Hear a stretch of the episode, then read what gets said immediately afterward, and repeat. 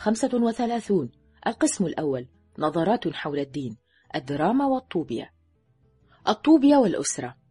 إن الأسرة ليست هي الخلية الأساسية للمجتمع كما تعلن بعض الدساتير القديمة.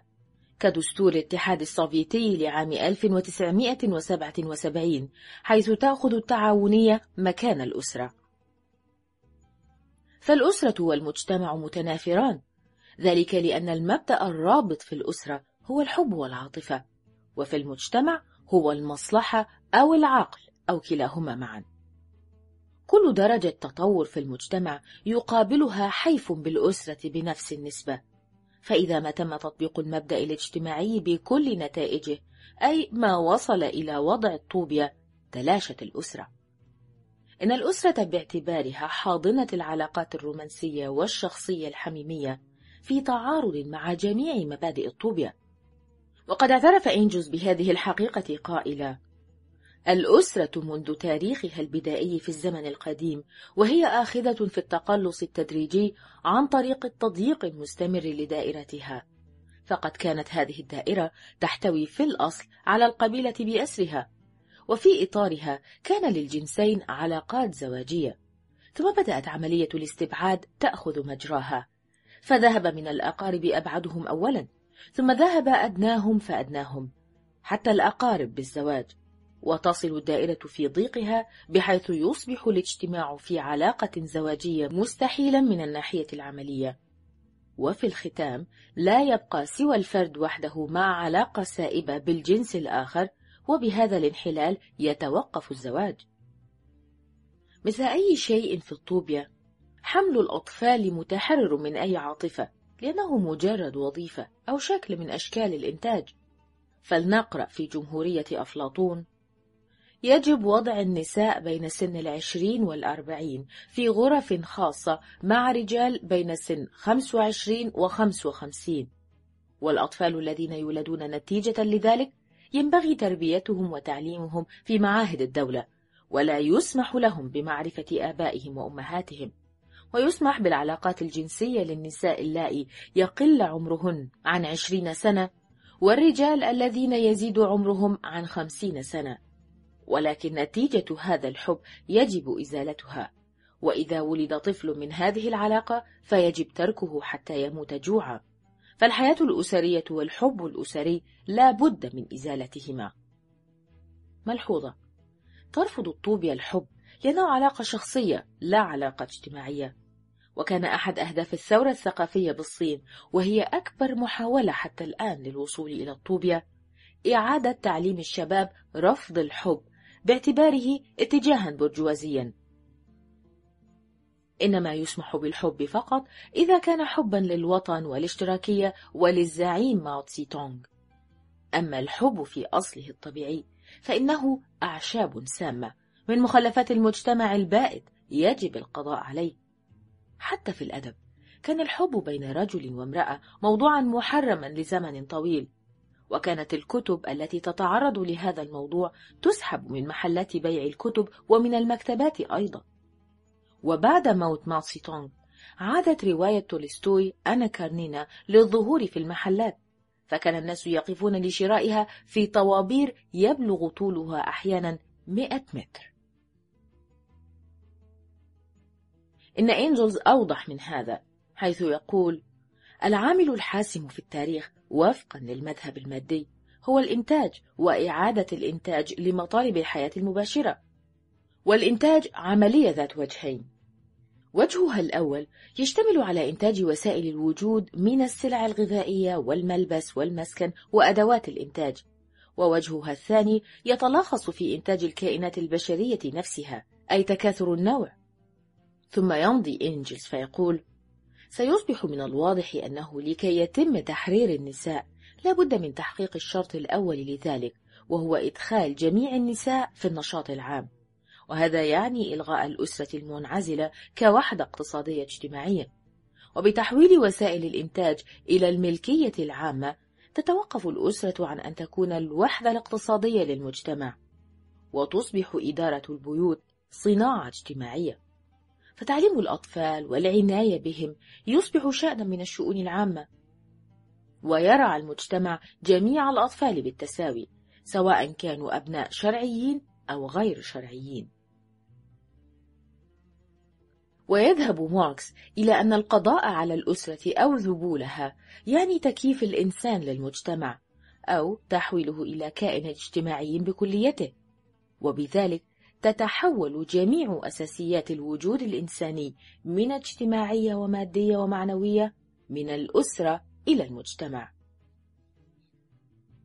أما سيمون دو بوفوار الكاتبة الفرنسية المعروفة بنشاطها في مجال تحرير المرأة بفرنسا وخارج فرنسا فهي صريحة قاطعة في رأيها حيث تقول ستظل المرأة مستعبدة حتى يتم القضاء على خرافة الأسرة وخرافة الأمومة والغريزة الأبوية. ولقد جاء هذا في لقاء مع سيمون دو بوفوار في مجلة نيويورك ماجازين ساتردي ريفيو. إن الحضارة لا تقضي على الأسرة فقط من الناحية النظرية وإنما تفعل ذلك في الواقع أيضا. فقد كان الرجل أول من هجر الأسرة ثم تبعته المرأة وأخيرا الأطفال. ونستطيع أن نتتبع القضاء على الأسرة في كثير من الجوانب. فعدد حالات الزواج في تقهقر متصل مع تزايد في نسبة حالات الطلاق وازدياد عدد النساء العاملات والزيادة المضطردة في عدد المواليد غير الشرعيين وازدياد مستمر في عدد الأسر التي تقوم على أحد الوالدين فقط وهي الأم إلى آخره. ملحوظة. في تعداد الزواج حوالي خمسة من كل ألف شخص وتقف سويسرا والسويد في أسفل درجات السلم العالمي. ويجب أن نضيف هنا أيضا عدد ربات البيوت الأرامل صغار السن بسبب شيوع الحوادث وارتفاع عدد ضحايا السكتة القلبية وأمراض السرطان وهي جميعا شديدة الصلة بأسلوب الحياة الحضرية وفي سنة 1960 تساوى عدد الزيجات المنعقدة في كاليفورنيا مع عدد حالات الطلاق.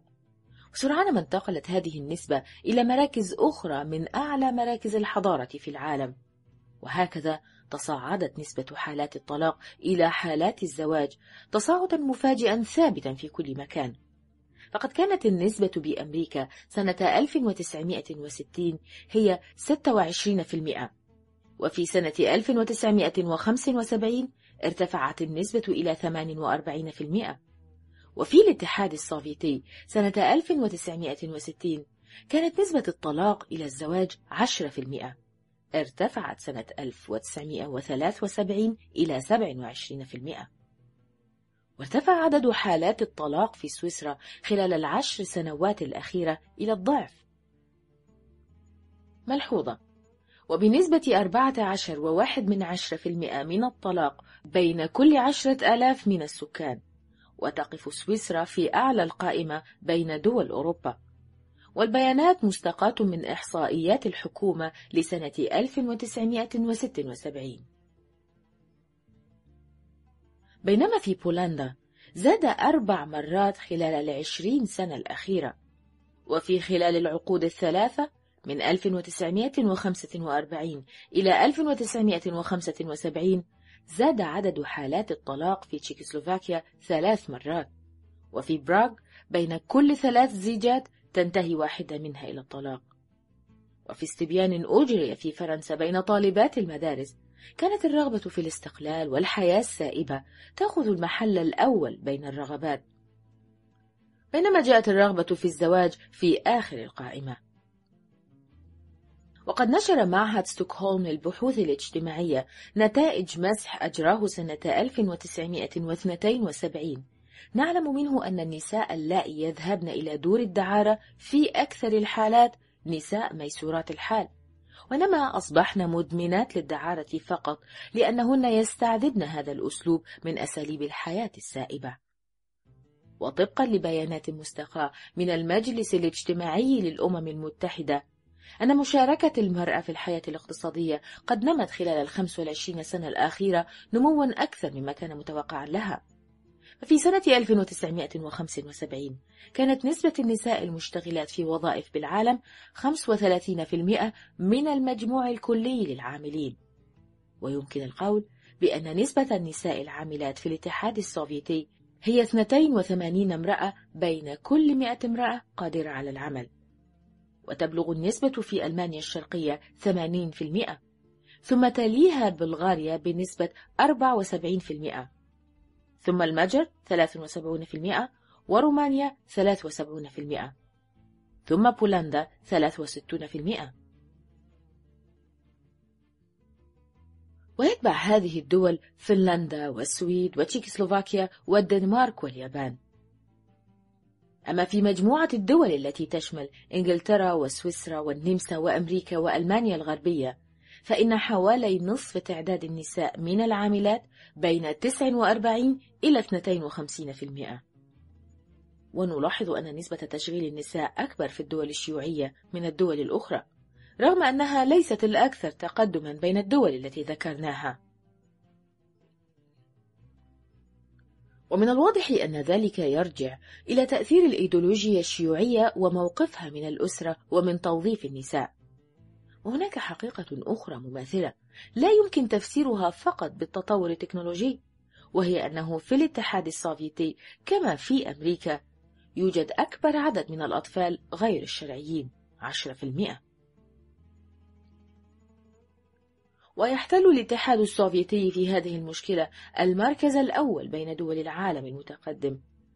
والسبب هو أن الاتجاه الحضاري العام هناك قد تزاوج بموقف أيديولوجي سلبي تجاه الزواج والأسرة. إن ظاهرة انفصام عرى الأسرة في الصين وكوريا قد نتجت عن الأسباب نفسها. ففي الصين تعيش ملايين الأسر في حالة انفصال. يعمل الأب في جزء من الدولة وتعمل الأم ومعها الأطفال في جزء آخر. ولا يلتئم شمل الأسرة إلا مرة واحدة كل عام. والسبب المعلن هو حاجة الدولة الاقتصادية أو المصلحة العامة. وطبقا لبعض الدراسات المسحية في أمريكا وجد أن عدد الأطفال الهاربين من بيوت أسرهم قد تضاعف خلال السنوات الخمس الأخيرة ليصل إلى 2 مليون سنة 1976 في مثل هذه الأوضاع المتردية يجد المسنون أنفسهم في أسوأ حال. إن كبار السن لهم حقوق الشباب نفسها في هذا العالم ولكن الحضارة وقد خلت من المعايير الأخلاقية فلا تعرف سوى الدوافع العقلانية. تفصل هذا العالم على مقاس الشباب ومزاجهم. يقول طبيب نفسي يوغوسلافي على مسرح اللذة يوجد أكبر مجال لأكثر الناس حيوية وأولئك هم الشباب والأصحاء.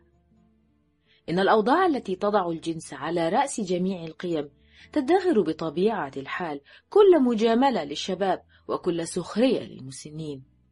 لقد أعلن في هذا المناخ أن احترام كبار السن من أكبر تعصباتنا فإذا لم تكن توجد أرواح إنسانية فإن المسنين هم أقل شيء نحتاج إليه في هذا العالم. إننا هنا بإزاء سلم للقيم. فلا الدين يغير موقفه من سلم القيم ولا تتنازل الحضارة عن موقفها. لقد كرست جميع الأديان الأسرة باعتبارها عش الرجل واعتبرت الأم المعلم الأول الذي لا يمكن استبداله بغيره. أما الطوبيا فإنها تتحدث دائما بابتهاج عن التعليم الاجتماعي ومدارس الحضانة وبيوت الأطفال وأمثال ذلك. وبصرف النظر عن رأينا الخاص في هذه المؤسسات فإن هناك شيئا واحدا مشتركا فيما بينها جميعا ألا وهو غياب الأم ووضع الأطفال في رعاية الموظفين. وكان أفلاطون أول من اخترع طوبيا وهي الجمهورية. وكان أول من وصف وصفا منظما فكرة التعليم الاجتماعي.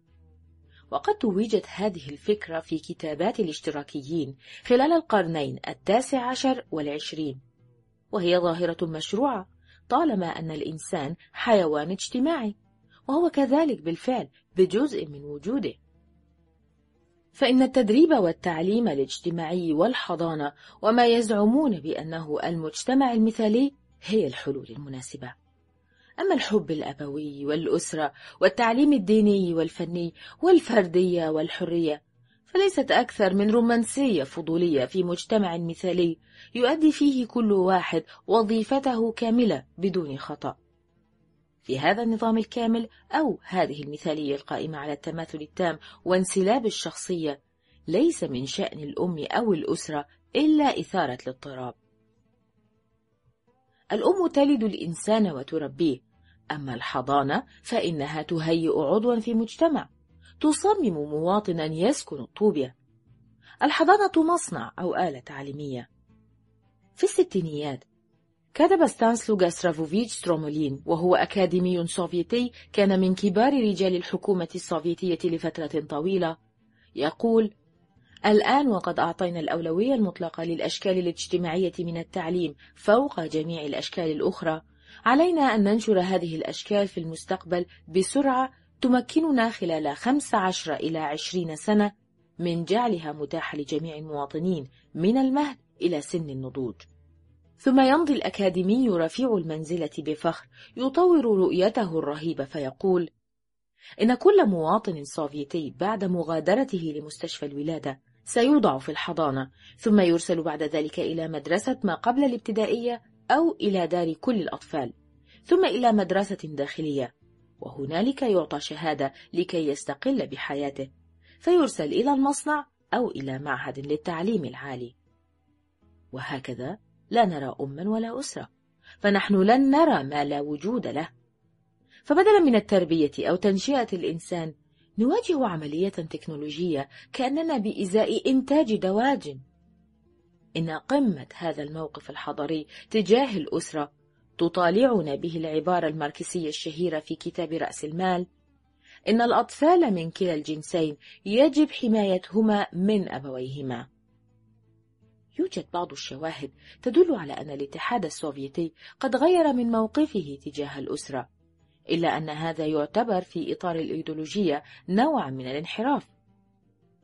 أما إذا كان حديثنا عن المبادئ فإن جوهر المسألة لا يكمن فيما إذا كانت لعنة الأسرة عند إنجلز أو ستروملين صحيحة أو خاطئة. ولكن فيما إذا كان يستطيع إنجلز أن يكون له موقف مخالف من الأسرة على الإطلاق. ذلك لأن إنجلز إنما كان يستنبط فحسب النتائج من حضارة ذات طراز ثابت أو طوبيا وهي الشيء نفسه. فالحضارة لن تتحقق تحققا كاملا إلا بالقضاء على الشخصية الإنسانية. فالإنسان وشخصيته لا يتلاءمان مع آلياتها وأبنيتها ومؤسساتها وتعاونياتها ومصالحها العامة وعدالة دولتها ونظامها.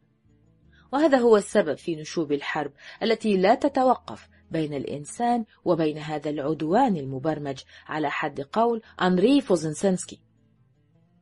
إن موقفنا تجاه الزواج والأسرة والتعليم والأبوين والطاعنين في السن يتوقف على رؤيتنا للإنسان أي على فلسفتنا تجاه الإنسان. على سبيل المثال نجد نوعين من الزواج مختلفين فيوجد من ناحية الزواج بعقد مدني كنظام الزواج الحديث في السويد. ونجد من ناحية أخرى الزواج المقدس كالزواج الكاثوليكي. ونحن هنا لا نبحث عن أي واحد من هذين النوعين من الزواج هو الصحيح. إنما نريد أن نؤكد حقيقة هامة وهي أن المذهب العقلاني لا يمكن أن ينظر إلى الزواج إلا باعتباره عقدا بينما تراه المسيحية رباطا مقدسا ولذلك عندما أعلن إنجلز زوال الأسرة لم يكن مخطئا من وجهة نظر الفلسفة الرسمية. أما علماء الاجتماع السوفيت الذين أرادوا إعادة نظام الأسرة القديمة من أمثال دكتور أولانس وغيره فهم مخطئون لأنه ما دام الإنسان ليس أكثر من حيوان كامل فإن وصفة الأكاديمي ستروملين هي الحل الصحيح الوحيد. إننا لا نعرف ما هي القيمة الداخلية لهؤلاء البشر الذين تنتجهم هذه الصناعة العجيبة. ولكننا نعلم أن كمياتهم في تناقص هذه الأيام بنسب مزعجة. فالمرأة لا ترغب أن تلد طفلا ستفقده فور ولادته. ولذلك نرى في جميع الدول المتحضرة ركودا أو انخفاضا في نسبة المواليد. راجعا إلى وضع الأمهات أو إلى الرغبة في الانطلاق في حياة سائبة بدون التزامات وهي نتيجة مباشرة لغياب القيم الدينية والثقافية. في كثير من الدول الأوروبية نجد معدل المواليد سلبيا ويرى بيير سوني الأستاذ بجامعة السوربون أن الجنس الأبيض يواجه خطر الزوال فطبقا لكلامه نرى أن انخفاض معدل المواليد في ألمانيا من الخطورة بحيث أن الألمان قد يتلاشون في القرن القادم. وتبين التقديرات السكانية أن سكان فرنسا الذين يبلغ تعدادهم الآن 52 مليونا سينخفض إلى 17 مليونا في النصف الأول من القرن الواحد وعشرين.